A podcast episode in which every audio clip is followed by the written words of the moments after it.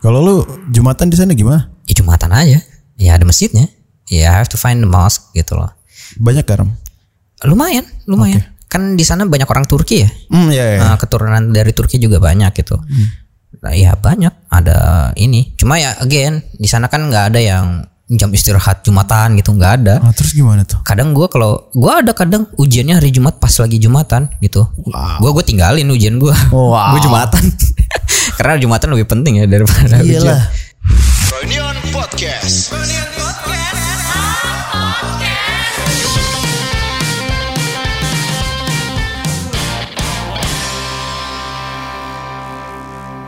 Halo teman-teman, selamat datang di Frenion Podcast bersama saya Haris Franky Sianturi.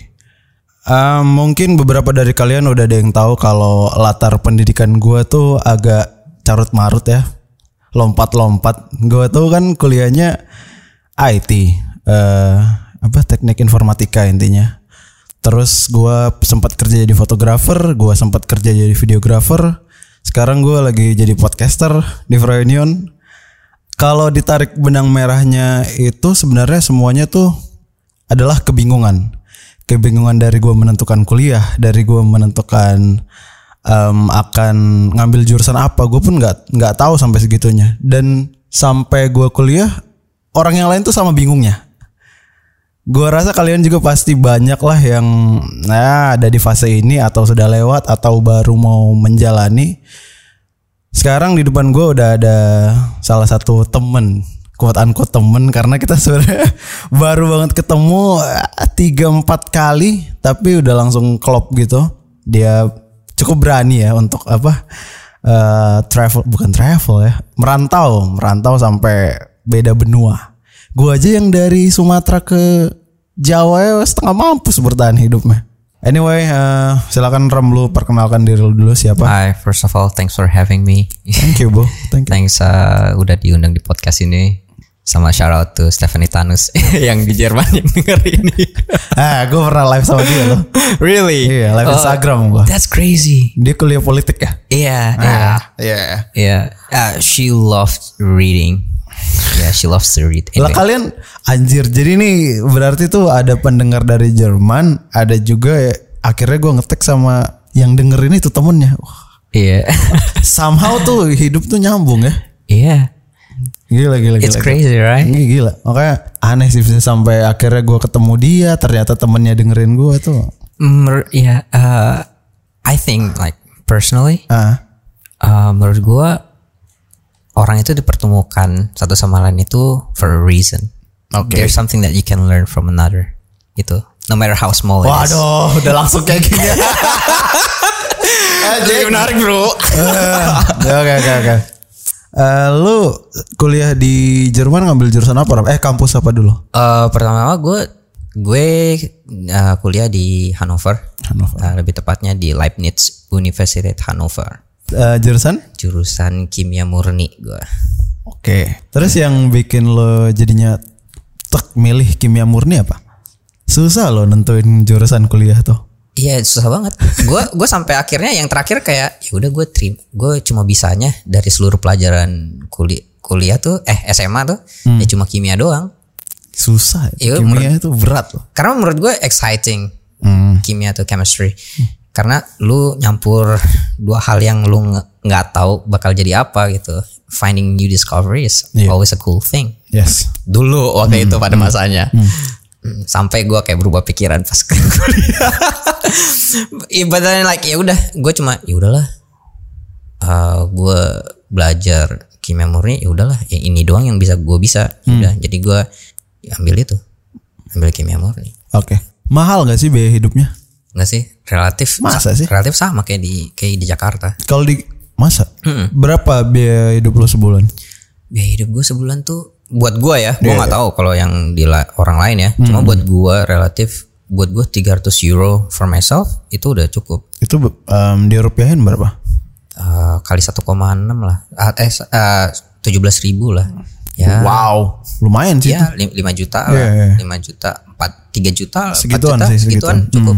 Kalau misalkan gue press banget, mungkin cuma berapa tuh 3 3,6 kali se- sebulan. Wow. Tapi itu gue press press banget gitu. Eh, Kayak misalkan eh, harga rent itu relatif ya, itu relatif banget.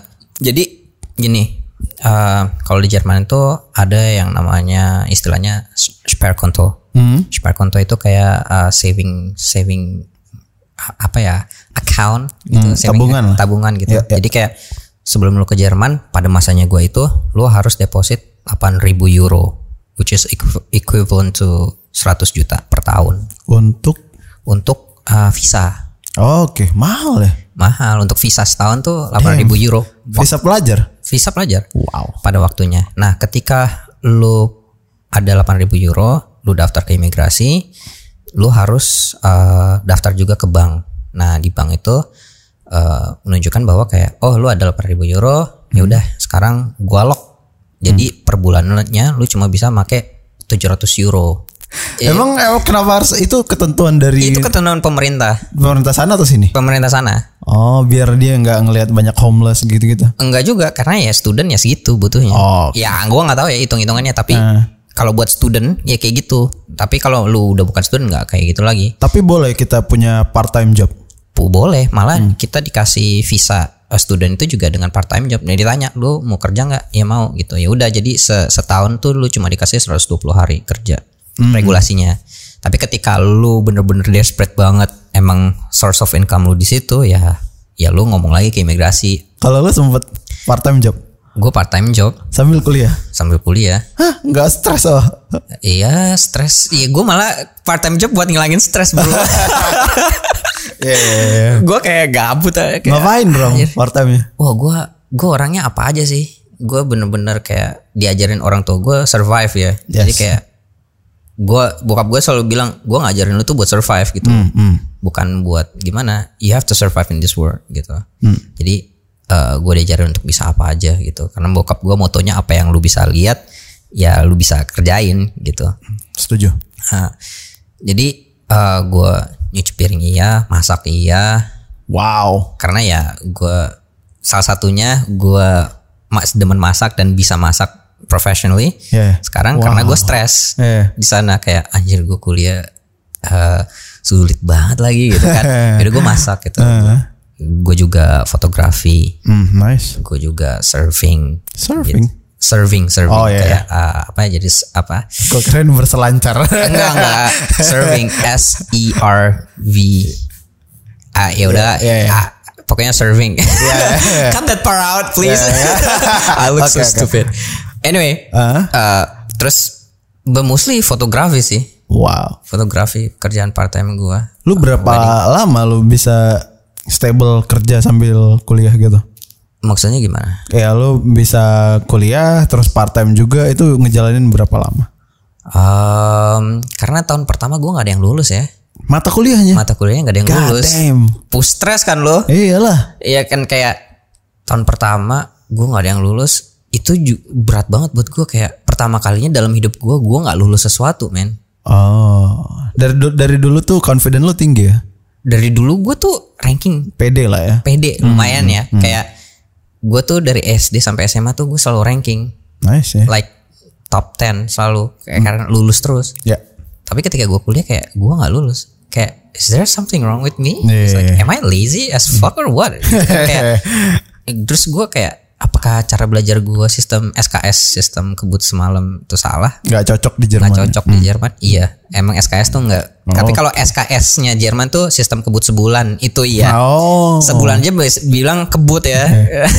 Karena kurang bro sebulan belajar. Di situ tapi gua di Jerman gua kira ngerti betapa pentingnya education pendidikan itu ya intinya satu tahun gua nggak tahu kayak ah, anjir gua ngapain ya udah akhirnya tahun depannya gua kerja tapi sambil belajar juga karena gua udah mulai bisa balancing waktu gue bisa udah Nice. di situ gua pelan-pelan belajar namanya time management Nice ya. karena di sana kan orang nggak bisa telat ya kalau misalkan lu datang jam 3 ya lu datang jam 3 Jam 3 sharp tuh. sharp gitu. Karena bro, ada satu dosen gua yang kalau lu telat 5 menit aja, lu nggak boleh masuk kelas itu. Anjing. Misalkan um, dia datang 5 menit. Halo? Kata dosen gua, "What? First marks tuh here." Gitu Ya, kan. Lu aduh. ngapain di sini gitu. Kayak nonton Dark nih gue nih. eh was machst du hier gitu kan um, uh, di Vorlesung gitu kan apa Vorlesung apa ya bahasa Indonesia nya uh, pokoknya Vorlesung lah gue nggak tahu gue gue lupa artinya tapi intinya Vorlesung lah studinya bilang enggak enggak uh, lu telat du bist zu spät Gak bisa masuk. nggak bisa masuk. God damn. You're too late. Nggak bisa masuk. Jadi kayak intinya antara kayak sebelum dosen itu tiba Iya. atau enggak pas dosen itu belum ngapa-ngapain belum itu lu harus udah tiba gitu. Uh. jadi jadi seketat itu men tapi ada juga yang dosen yang nyantai-nyantai aja. Toh gue juga kadang kayak udah telat kayak sejam gue masuk kelas juga tapi dari belakang pelan-pelan gitu kan. Oh. yang penting gue masuk kelas gitu. Karena di sana nggak ada metode atau sistem kayak apa eh, Titip absen. titip absen tuh nggak ada. Oh. kayak lu datang ke kelas terus dinilai tuh nggak ada. Gimana sih em, pandangan apa ya masyarakat bukan masyarakat lah katakanlah akademisi sesama akademisi yang ngeliat orang Indonesia tuh kayak gimana sih? Mahasiswa dari Indonesia? Biasa aja. Nggak ada stereotip tertentu? Nggak keluka aja. Eh, hard worker. Oh wow. Iya. Em, orang Indonesia tuh seriously hard worker di sana. Nggak dilihat kayak wah ini orang-orang dari negara dunia ketiga nih nggak. Enggak enggak enggak enggak enggak enggak ah mungkin ada beberapa ya cuma kalau kalau udah di universitas lu udah open minded lah men. Rata Udah ya? rata. I mean walaupun kadang gue juga kayak eh lu lu comes aus Vietnam gitu kan. Enggak gue bilang gitu. Gue Indonesia gitu. Indonesia where is this? Uh, weißt du wo Bali is? gitu kan. Lu tahu di mana Bali? gitu kan. Tahu tuh. Bali ya ich kan Bali gitu kan. Bali sini Indonesia gue bilang gitu. Wirklich katanya. Beneran gitu kan. Iya gitu. Susah nggak sih Ram eh, sama apa ya keep up sama merekanya? Ah. dalam dalam segi edukasinya ya di, di, di kuliah ya. Apakah lebih ambis orang-orang itu? Eh, mereka ambisius sih. Bukan ambisius sih, karena orang mereka itu perfeksionis dari dari sana tuh. Jadi kalau misalkan iya iya, enggak enggak. Dan kalau misalkan jawabannya segini ya jawabannya segini. Nggak bisa keluar, nggak bisa ya itu itu gitu loh. Jadi kayak seperfect mungkin, perfect sign gitu. To be perfect gitu loh. Gua aja ya lu gagal satu mata kuliah itu satu gara-gara gue cuma jawaban gue benar cuma karena gue tuh nulisnya tuh kayak di karena gue juga kurang teliti juga waktu itu. Jadi gue kayak mestinya tuh desimalnya tuh dua gitu. Dua desimal kayak 14 14,01 gue nulisnya 14,012 tiga gitu. cuma itu doang kayak eh, tetap salah gitu kan. Thread hilang aja nilai. Oh fuck. Gue nggak lulus aja kayak fuck. Padahal nilainya tipis banget tuh gue Hmm. lulus. Gitu. Jadi mereka tuh pinginnya perfect as perfect as possible gitu beda kultur juga ya. Iya mereka itu sih, lebih individualismus lebih individualism. Hmm, Iya itu lebih tepatnya. Individualismus itu bahasa Jermannya. Mereka itu Bukan tipe nongkrong kayak kita men Di Oke, Indonesia. oke. Jadi mereka itu Di orang Jerman itu Tipenya Oke gue ada waktunya segini nih buat bersosialisasi. Ya udah gue segitu aja. Terus ntar gue cabut. cabut lagi gitu. Jadi Kalau emang misalkan ada seharian Panjang ya mereka sosialisasi Tapi kalau yang sendiri-sendiri Kalau nggak kerja-kerja Kuliah-kuliah gitu. Kalau lu susah buat sosialis sosialisasi sama warga Jerman lumayan sih. Buat gue ya. gue nggak tahu yang lain ya tapi buat gue gue lumayan. Karena uh, temen gue gue cuma ketemunya di kelas doang kalau nggak pas belajar grup gitu. Nggak ada apa activity ekstrakurikuler gitu nggak ada ya ada cuma ya itu kan orang kerja men. Dipakai buat kerja ya? Buat kerja lah buat survive lah. Mereka tuh di sana temen gue tuh ada yang kayak tinggal berdua sama ceweknya. Nice. jadi, jadi kayak ya mereka bayar rumah bareng bareng gitu kan ya? patungan. Ya, mereka mau liburan ya ya kerja lah. Mm-mm. itu jadi ya sulit juga kadang kayak eh mau ini ketemu oh, sorry men gue kerja gitu Aduh, kan iya. jadi biasanya paling kayak eh gue nggak tahu nih gitu Rama ajarin gue dong ini ya udah gue ajarin kadang gue kesel kayak gue ngajarin mereka mereka lulus gue nggak lulus itu doang gue kayak kadang kayak anjing kayak kenapa nih gitu kan eh Iya. Padahal mereka cuma bilang, anjir seriusan, lu nggak lu, anjir lu kan yang ngajarin gue katanya Iya. gitu kan. Hmm. Ya gitu, karena mungkin, again ya bahasa ngerti bahasanya tuh buat gue masih kayak sulit. lu eh, apa di sana banyak teman-teman sama-sama mahasiswa Indo yang ngumpul Lumayan, lumayan gue ikutan PPI, uh, apa tuh perkumpu, uh, Pe- Perhimpunan Pelajar Indonesia. Ya, gua gue harus mikir dulu. gue kebiasaan PPI aja ngapain tuh kegiatannya? Ya, Bebas sih sebenarnya. Lu mau ngebahas Sekedar tukar kabar ya? Oh, enggak juga sih. Lu mau kumpul-kumpul oh, ad- ada. Lu mau ngebahas politik ada. Lu mau Wow, bahas wow. hal yang membawa kebaikan untuk bangsa Indonesia dari sana juga bisa gitu kan. Tergantung tapi tergantung tiap PPI setiap kota tuh berbeda-beda ya. Anggotanya banyak. Di kota lu apa Hanover ya? Oh, kota gua Hannover. Banyak tuh. itu salah satu yang paling banyak ya orang Indonesia nya. Hmm. Gue nggak tahu de- definitifnya berapa tapi banyak lah. Oke. Kalau lu bisa lihat apa em, yang nyamain mahasiswa-mahasiswa ini ngumpul di sana tuh? Hmm.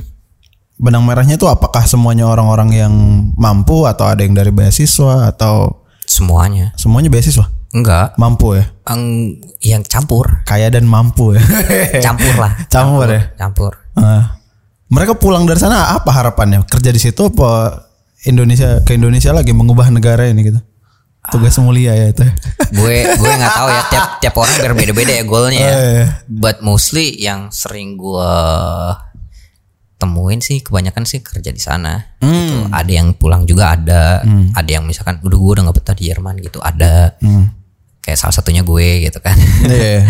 tapi eh, kebanyakan ada yang kerja di sana gitu Selain education Ram, tekanan paling gede yang lo rasain tinggal sendiri jauh sejauh itu apa? social pressure dari Indonesia Social pressure dari Indonesia. iya Justru dari Indo, iya bukan warga sekitar. ya? enggak gini aja deh gampangnya lu keluar negeri lu ekspektasinya oh enak ya lu di luar negeri Iya. enak ya lu bisa jalan-jalan enggak juga lu nggak tahu kan seberapa pressure sistemnya sistem belajarnya kayak eh, gua kuliah itu di universitas itu kalau semester udah lewat terus ada liburan semester itu bukan waktunya gue untuk liburan kadang itu waktunya gue untuk belajar buat ujian malah ujian itu pas lagi liburan semester men Iya. fuck anjing Iya.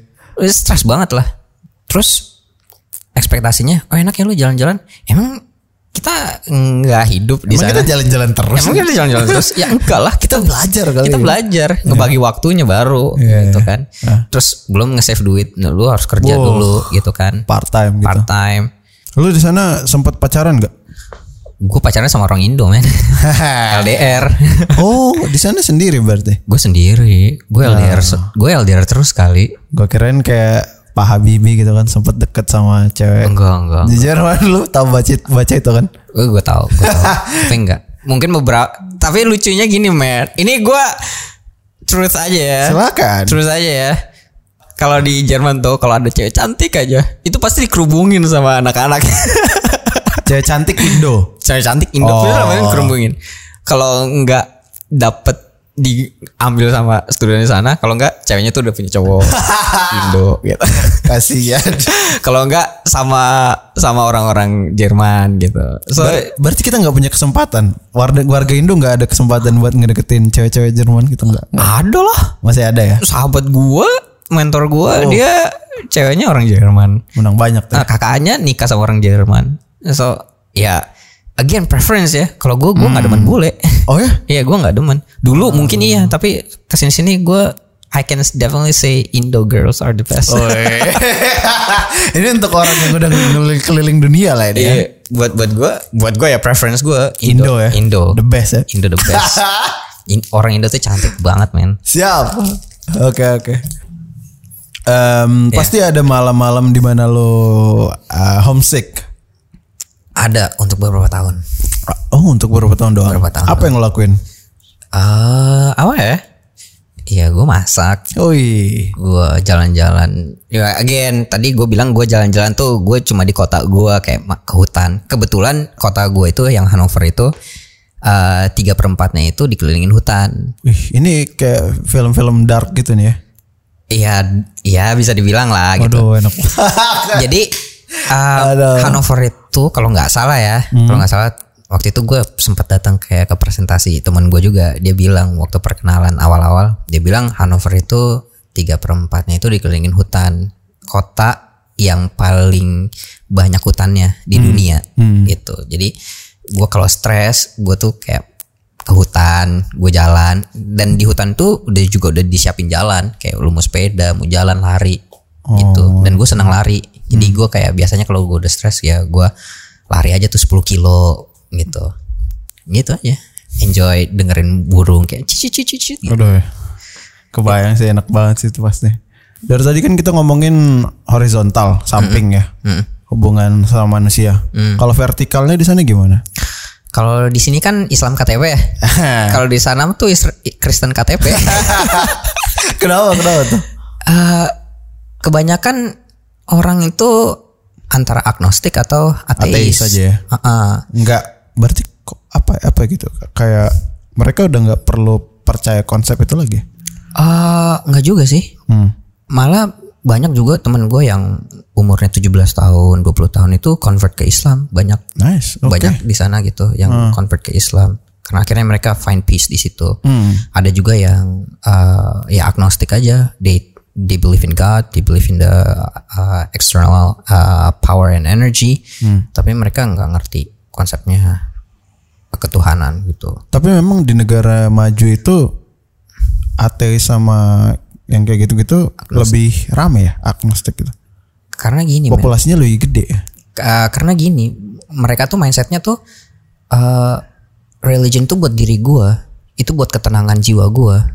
Gua nggak peduli sama orang lain gitu loh. Baik. Karena ketuhanan itu antara gua dan dan Tuhan Langsung aja ya. langsung. Jadi mau keluarganya gimana, ya yang penting dari dirinya mereka gitu loh. Ya temen banyak juga kok temen gua yang convert ke Islam. uh, they have to deal with their families. Ada juga yang familiesnya ya udah nggak apa-apa. Yang penting it brings you happiness gitu. Yes. Yang yang ya gitulah intinya gitu. Toh ternyata juga banyak juga yang uh, pindah agama juga orang Indo yang dari yang udah yang ke Jerman akhirnya pindah agama juga gitu.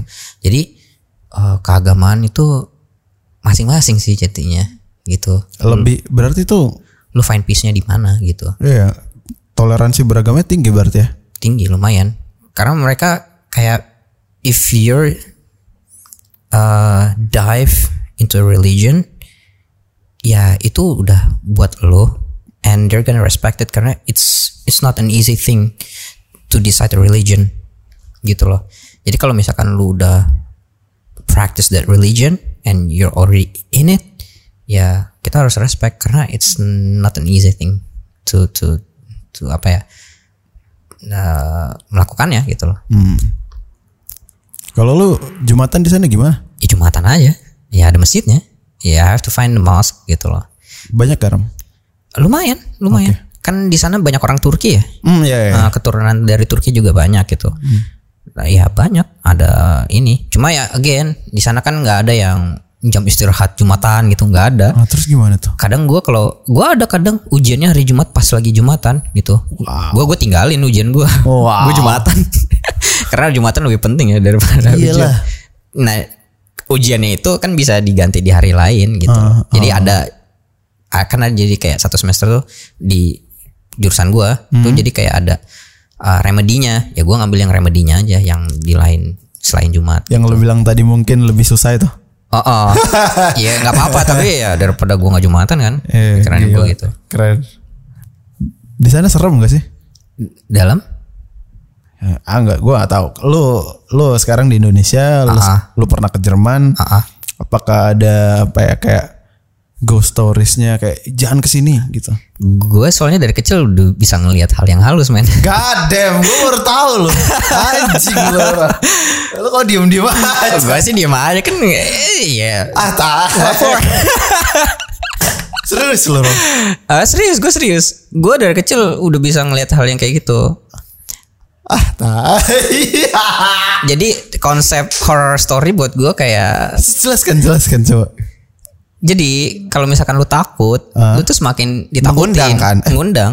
Iya kan? Hal jadi gini, lu ngobrolin spe- Mereka. han- spesifik hantu aja yang lu pengen ngobrolin itu datang langsung ke obrol ke tempat Iya, kita mereka ngobrol. mereka ini kan caper kan ya? Bukan, jadi misalkan nih eh misalkan lu ngomongin han maksudnya Pocong lah ya udahlah. pocong yang di gunung mana. Iya. Lu ngomongin itu. Itu pocong datang ke obrolan kita langsung tepat. Karena kan mereka energi kan. Ya, based Jadi on energy. Langsung gitu loh. Soalnya gue pernah uh, yang gue juga bisa ngeliat kayak gituan. Jadi gue Waduh. gue lagi ngomongin yang di apa sih Parangtritis ya? Iya salah iya. ya. Ah, ah. Nyi itu. Ah, ah, lagi ngobrol gitu. Terus tiba-tiba yang gue diem dong. Ya. Terus enggak enggak. Kenapa? Udah, Udah, udah, dia, dia datang tadi nanyain butuh apa ini apa enggak yang bilang enggak gitu. Jadi kalau lu ngomongin spesifik hantu, ya mereka langsung datang ke tempat obrolan lu gitu loh. Hmm. Dan kalau lu takut, semakin ditakutin semakin ditunjukin. Hmm. They feed off negative energy. Jadi semakin misalkan lu punya anxiety, lu punya ketakutan, Datang. mereka datang dan feed off you gitu loh. Dan Justru kita dikasih ta- ditambahin energi negatif ya. iya, Oh shit. Iya. Jadi semakin lu berani semakin ya nggak biasa aja. Makanya di luar sana kan orang kayak what ghost? What is it? Mereka eh, biasa aja. Nggak ada ya. Tapi bro, gue ngerasain bedanya lu jalanan kuburan di sini sama di Jerman tuh beda. Apa coba coba. Di Jerman lu jalan kuburan biasa aja karena ada kuburan di tengah kota. Iya iya. Kalau di sini lu malam aja beda anjir feel-nya, vibe-nya karena kebanyakan mayoritas orang di sini percaya hal yang kayak gitu. Oh, jadi mereka lebih kuat ya. Dia lebih kuat. God damn. Iya bro. Tapi kekuatan ini gue shut off karena gue akhirnya kan belajar juga kan dalam Islam kalau misalkan lu bisa ngeliat kayak gini, lu tuh sebenarnya diganggu sama jin. Iya, teman gue Miko tuh paling kuat yang kayak gini-gini nih. Ah, nah gue punya kayak gitu, ya udah gue bilang ya gue mau nutup lah gitu. Jadi gue shut off dan gue nggak ini. Tapi gue masih bisa ngerasain, makanya aja. Jadi kayak misalkan ah, ada nih, ya gue gua tahu aja gitu, nggak ada masalah. Di Jerman Di Jerman ada, ada sempat lihat nggak? Beda nggak hantunya? Ini pertanyaan goblok nih. sama aja. Jadi jadi ceritanya tuh apa yang lu takutin itulah yang ditunjukin. Itulah gambarannya kan. Ah, kayak misalkan nih gini nih, gue naik gunung sama temen gue. Ini cerita horor yang beneran cuma gue sama temen gue doang nih. Di Jerman ya. Di Jerman nih. Siap siap. Gue naik gunung, namanya gunungnya Harz. Harz eh, di Gunung Harz ini terkenal sama cerita hexe tentang witch. Jadi di sa- di atas bukitnya itu dulu zaman dulunya itu ada pembakaran witch ataupun eh, Penyihir. perkumpulan penyihir di sana gitu. Oke. Aslinya pastinya itu angker banget kan. Hmm, pasti. Nah, gue sama temen gue tuh pernah naik ke puncak. Biasanya orang tuh sebelum sunset udah pada turun. Oh. Sedangkan gue sama teman gue nungguin sampai sunset turun tuh. Eh. Baru pas udah maghrib udah mulai gelap, baru gue turun sama teman gue. Hmm. Nah di situ tuh ada tuh. Jadi gue lagi jalan gitu kan di atas gunung, terus gue berhenti sama teman gue. Gue bilang kayak eh, kebetulan di sana tuh ada wolf juga kan. Apa sih wolf? Serigala. Serigala. Serigala liar. Jadi emang harus hati-hati juga. Gitu. Hmm, hmm, hmm. Gue naik ke atas gunung, gue ngeliat, uh ada Milky Way bintang banyak lah. Gue Yeah. bilang, cuy berhenti dulu yuk gitu. Berhentilah gitu kan. Ah. Kebetulan tempat gue berhenti itu ada ada bench kayak kursi Tempat duduk. tempat duduk dari kayu. Hmm. Cuma yang ini kayak bunyi kan gue duduk tuh di grassnya, Iya. di Rumput. rumputnya. Iya. Gue duduk, terus pas gue ini tiba-tiba ada bunyi gitu. Kayak ini loh apa kursi nenek-nenek zaman dulu gitu, Iya, iya, iya. "Ek" gitu kan. Iya. Terus gue kayak, Wih, lu denger nggak? Enggak, itu tas gue. Teman gue Eh. bilang gitu. Ya udah gue diem lagi lah. Tiba-tiba bunyi lagi. Itu bukan tas gue. Yuk, yuk jalan yuk. Pas gue jalan, gue ngerasa nih, wah anjir diikutin nih. Ya. Soalnya bu- ada bunyi kayak orang ketiga gitu. Gue cuma berdua sama teman gue. Ada bunyi orang ketiga gitu yang kebetulan itu ab- lagi musim gugu gugur. Jadi kayak ada Daun-daun gitu ya, daun-daun gitu, daun. kayak Iya, iya, iya. terus gue berhenti berhenti dulu bro gitu kan terus gitu. Ya. terus gue bilang temen gue kayak udah ya lu zikir aja baca doa yang lu tahu aja gitu perbanyak gitu. Jangan takut gitu. Karena kalau lu takut lu ya kayak tadi gue bilang. Iya. akhirnya masuk. Akhirnya kan mulai masuk ke daerah hutan tuh. Jadi kayak Hansel and Gretel. Waduh, itu iya, bener-bener mirip hutannya Hansel and Gretel. Iya jadi kayak masuk itu Gue tuh biasa aja masuk. Temen gue tuh di, ditutup kayak gitu jalannya kayak. Entah kenapa karena dia doang Apa karena dia takut gitu loh. Iya. Dan kita tahu kan Dan per- harus percaya bahwa eh, Rumahnya jin itu di hutan Eh di, di, di, di gunung gitu. Jadi ya Emang itulah tempatnya gitu kan Tempat para jin gitu. Iya. Jadi mau di mana pun sama aja gitu. Jalan gitu kan. Temen teman gue ditunjukin kuntilanak men. Iya. dia tiba-tiba gini Bismillah kul huwallahu ahad. Oh, somat gitu. dia langsung kayak "Set," gitu. gue kayak hmm, ditunjukin dalam hati gue udah jalan aja. Cuek okay. aja. It's okay bro, it's okay. Cuek aja. Ya udah pas udah di kereta udah gini. Ya Ram tadi gue ditunjukin gini gini gini. Oh iya, gue udah tahu. Jadi kuntilanak itu sebenarnya witch gitu di sana atau memang setan Indo traveling ke ya sana? enggak, apa yang lu takutin aja. Itu yang itu yang muncul. tunjukin muncul gitu. Jadi ya kalau lu takut apa ya itu yang tunjukin gitu. So the more you're scared, Hmm. the more it's gonna come true. Makanya ada banyak mental thing kayak misalkan hal jangan mikirkan sesuatu yang lu takutin dulu. Hmm, oh, gue iya, takut ini, gue takut ini. Jangan, karena itu yang akan terjadi. Hmm. So you think about the positive things. Jadi korelasinya me- mental health yang about scared and being positive sama ini ada korelasinya buat gua. damn. Ini analoginya gua, co- cocok logi gue ya gitu. menarik, Jadi kayak menarik. ah ya make sense gitu. Gitu, buat gua gitu. Gue baru tahu. Oke, em, eh, tapi lu sekarang udah gak bisa lihat lagi sih ya.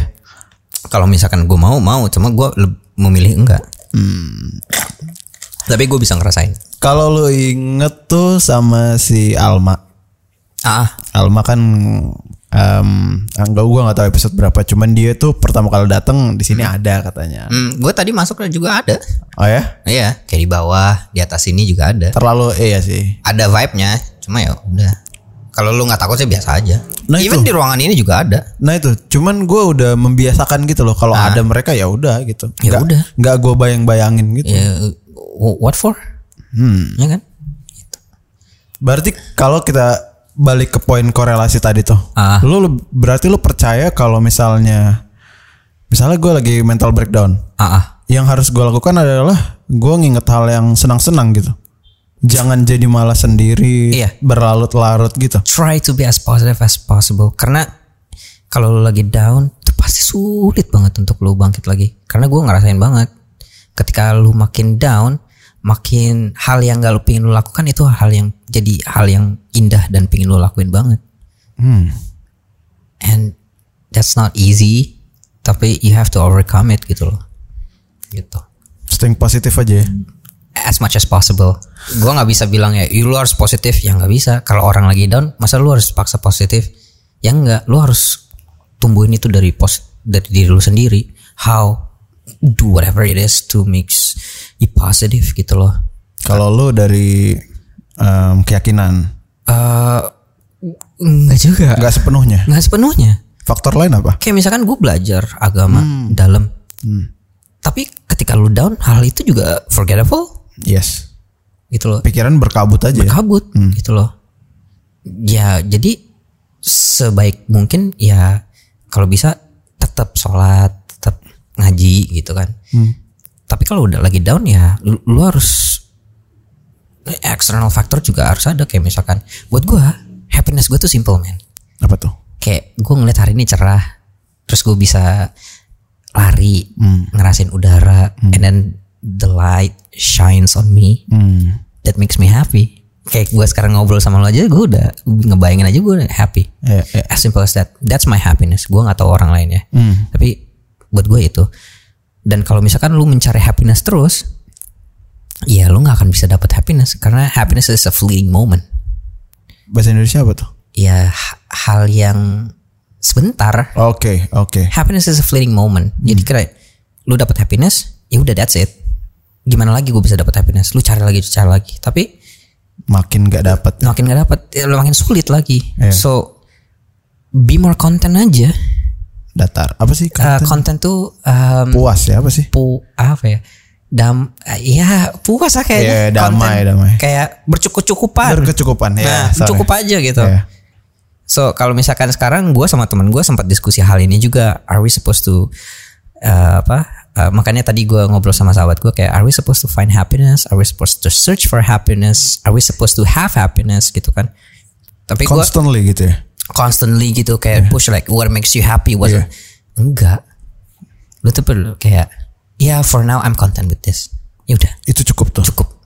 Jangan cari happiness terus karena lu nggak akan happy happy yang ada hal-hal yang lu rasain tiap harinya itu ya nggak akan pernah cukup nggak pernah enough. Gitu. loh. ya enjoy the little things. Kan orang bilang selalu bilang ada ka- kata ya just just enjoy the little things gitu. Kayak klise cuman ternyata benar ya. ya benar Gue pernah baca di mana gue lupa. Intinya lu tuh memang harus bekerja keras buat bahagia juga sih. iya jelas. Misal, misalnya untuk awalnya gue eh, suka lari, gue gue sepedahan lah, gue sepedahan cuman ngelihat 10 kilo oke. hmm, lu seneng. Nah, ya. gue ulang lagi, gue ulang lagi, lama-lama udah ke hari ketiga biasa aja. Berarti tahun depan, tahun depan, minggu depan gue tambahin 10 kilo lagi kan? Iya. Kan berarti kan lu eh, berusaha ekstra untuk mendapatkan kebahagiaan kan? Hmm. Ya, gue percaya banget kata apa dalam sebuah hadis Rasulullah tuh bilang manusia itu kalau misalkan dikasih eh, apa em, sungai emas satu tuh nggak cukup, pinginnya dua, dua pun juga nggak cukup, pinginnya tiga gitu. Itu manusia pada dasarnya, it's, it's true gitu kan. Lu nggak akan pernah puas dengan ini. Makanya lu diajarin untuk berdamai dengan diri, dengan berkecukupan, dengan content with what you have. Tapi apakah artinya lu nggak boleh pingin yang lebih? Boleh, nggak ada masalah gitu loh. Terus sama gue tuh mau ngomongin ini sih tadi em, apa sih? eh iya kalau misalkan lu lagi down yang tadi, ya namanya lu pernah dengar kan rukiah gitu kan? Ya, gue di rukiah kok gue. Oh lu di rukiah, rukiah lu di gimanain? Enggak, gue di rukiah yang muslim. Eh, itu dia diapain? Di Youtube eh, dibacain ayat-ayat kan? dibacanya ayat ah sebenarnya kan lu bisa ngerukyah diri lu sendiri Iya, gitu kan diajarin. Ah, ah. tapi sebenarnya ada juga eh, ke psikolog itu pun juga rukyah Hah? iya itu tuh ilmu Therapy session. therapy session tuh rukyah itu tuh il keilmuan Islam juga setelah gue pelajaran Islam lagi gue belajar ini lu lu ke ke psikolog ke psychiatry itu tuh juga salah satu step merukyah diri lu sendiri gitu loh. Wow. Jadi nggak salah kalau lu ke psikolog. Kalau lu lihat yang apa? eh, ya, benang merahnya apa antara kedua ini? Refleksi diri. Yang kita butuh, yang dibutuhkan manusia sebenarnya. Yang support aja sih. Kalau Support system. Support system aja sih. Untuk bertahan hidup. Dan orang dibayar mahal ya untuk itu ya. Iya. ya nggak gampang lah lu tiap hari dengerin Mm, gini ya. Buat gua history repeat itself. Oke. Ya kan? Menurut gua stupid kalau misalkan orang nggak belajar dari sejarah. Cause history is gonna repeat itself. Ya. dan uh, permasalahan manusia itu juga sama dari dari abad tahun berapa ke sini juga sama keresahan diri sendiri Islam itu ada itu kalau gue percayanya dan gue pelajarin juga Allah tuh cuma pengen satu dari kita Apa tuh? Sabar dan bertahan bertahan gitu loh. Percaya bahwa better things gonna come. Gitu. Ya keresahan-keresahan diri kita yang kita rasain di milenial nih udah ada men. Itu ada di dalam Al-Quran dan di hadis juga ada gitu loh. Ha- hal-hal yang itu tuh ya kayak udah ada gitu. Jadi gue percaya banget bahwa kayak kayak true happiness is to understand who's your God gitu loh Oke. gitu Basicnya tuh ya. basicnya lu harus tahu dulu itu and then like karena gue pernah nanya sama ustadz di sana waktu gue di Jerman Ustadz di Jerman. iya Orang Indo. enggak orang Bosnian Oke, oke. dia itu lulusan Madinah Hmm. Bosnian loh bahasa Jermannya cakep gitu kan bagus gue nanya ke dia kenapa sih ketika gue nih gue ngerasa gue tuh baru bener-bener gue bisa bilang gue orang muslim banget waktu gue umur 20 tahun. Wow. walaupun gue lahir dalam keluarga muslim. Hmm, hmm. karena waktu itu gue kepikiran apa gue pindah agama ya kayak again karena kan gue udah sekolah internasional. Pencarian lah ya. Ah, ah, gue udah sekolah internasional kayak ya udah agama buat diri gue sendiri kayak yang tadi gue bilang lagi. It doesn't concern my family and stuff. Tapi cuma satu yang gue ambil kayak bahwa Tuhan itu satu. There's no three there's no just one gitu loh there's no other form just one. Karena menurut gue kalau misalkan kebanyakan Tuhan juga ya who's the om- most omnipotent yang maha kuasa yang maha kuat gitu loh. Nggak ada kan kalau misalkan kebanyakan jadi cuma satu. It's it's logic gitu. Iya. gue belajar akhirnya sampai gue um, nemu sebuah video ini di YouTube. Gue dengar ceritanya sem- 45 minutes and I cried. Gue gue nangis dan gue malu cuma malu doang bahwa kayak gila nih orang nyari susah-susah sedangkan gue udah ada nih hadiah dari gue kecil nggak gue pakai gitu loh. Jadi di situ gue mulai belajar kayak sholat lagi yang benar gimana and I find peace gitu loh. Jadi di situ gue akhirnya decide kayak yaudah Islam agama gue gitu loh. gue belajar lagi Islam dengan baik lagi gitu loh. Tapi bukan berarti gue udah belajar ini gue nggak banyak salahnya juga gue banyak banyak gitu loh. Nggak menutupi bahwa gue apa gue benar enggak. Kenapa tuh? Karena kan kalau lu harusnya udah tahu ya ini baik ini benar. Hmm. Kan tergantung hati lu, lu udah siap atau belum. Nah, oke. Kalau misalkan hati lu belum siap ya, ya ya usahakan untuk siap gitu loh, untuk untuk latihan terus untuk siap gitu loh, Iya. untuk just do it gitu loh. Ada juga kan gue beberapa orang yang tadinya dia tahu ngerokok salah salah nggak baik buat dirinya karena dia uh, menzolimi diri sendiri dengan menyakiti diri sendiri dengan merusak diri sendiri kan nggak boleh gitu merokok. Dia bilang tapi belum bisa berhenti karena udah terbiasa. Tapi pelan pelan pelan pelan akhirnya dengan tiba-tiba dengan dengan niat Allah gitu dia berhenti gitu loh. It takes years it takes time. Jadi enggak walaupun lu tahu ya it takes time gitu. Cuma ya up daya daya apa like what act that you prepare Ya. untuk mencapai sit, situ gitu. kayak gitu aja sih.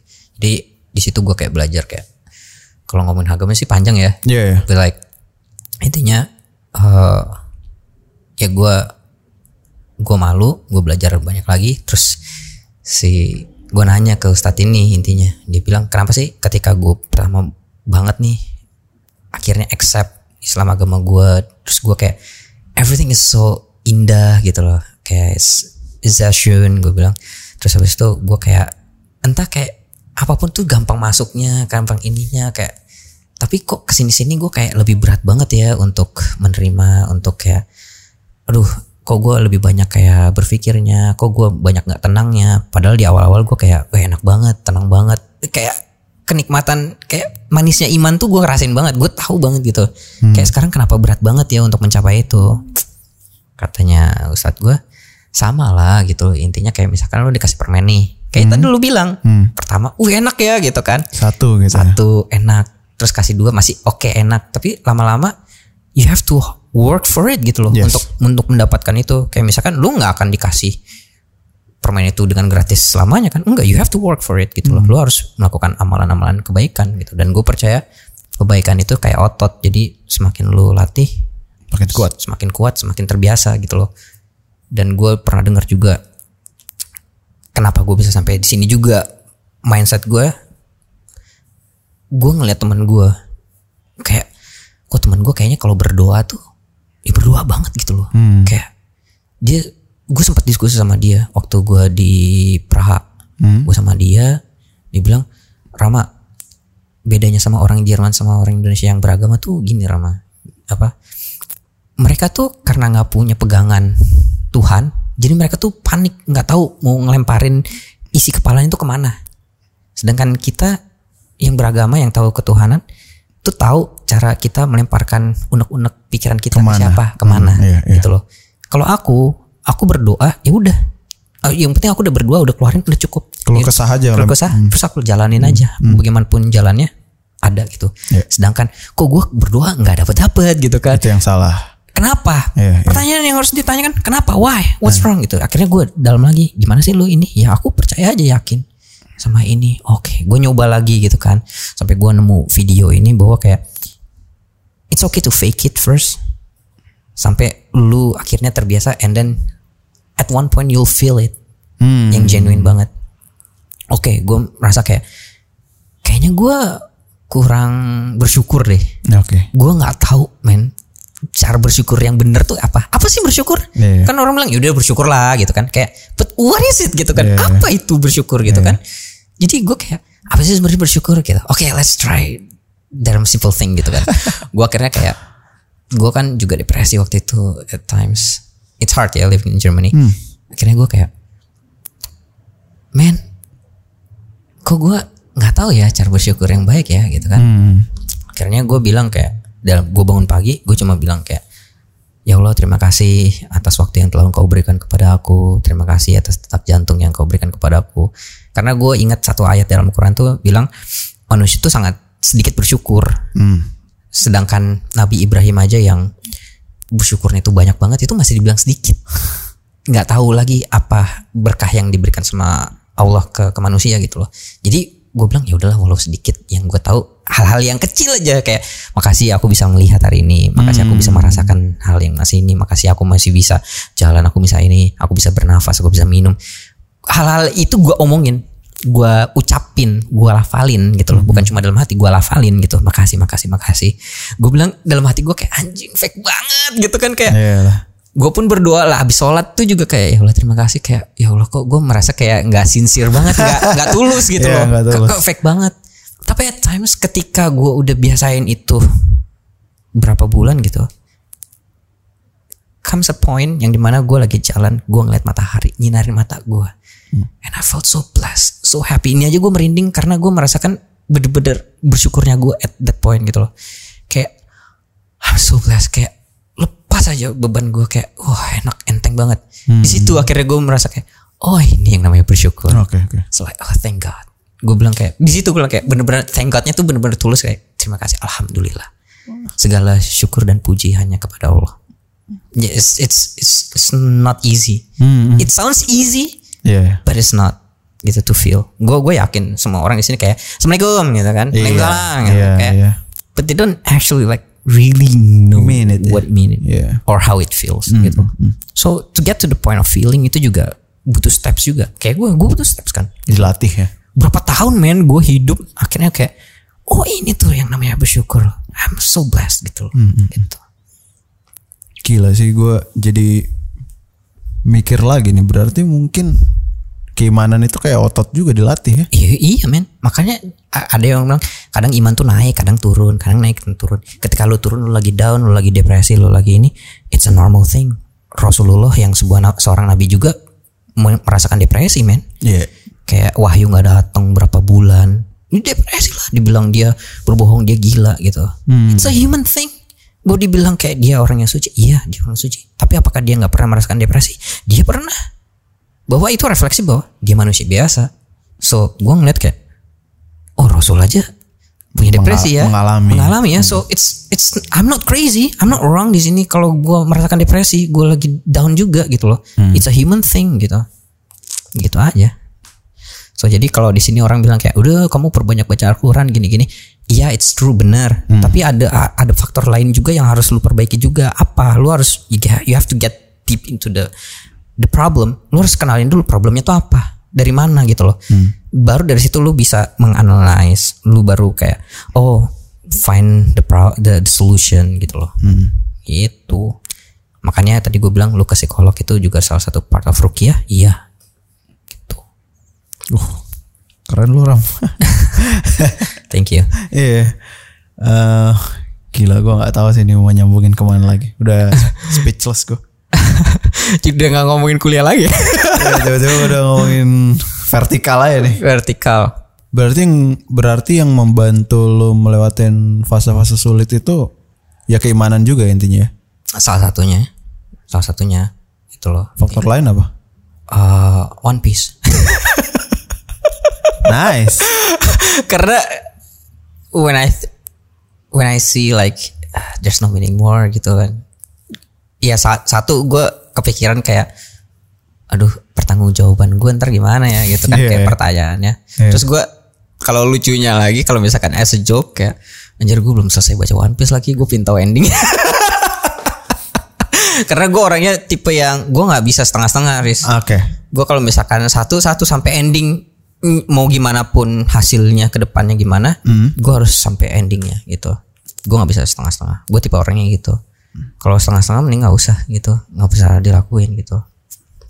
Ya itu sih yang gue pelajarin ketika gue kenal diri gue lagi gitu loh kayak oh gue tuh orangnya gini oh gue sukanya gini gue gini gini. Makanya tadi lu nanya kan sebelum podcast mulai lu tuh gimana sih? Lebih extrovert atau introvert? Gue Iya. gue ambivert akhirnya.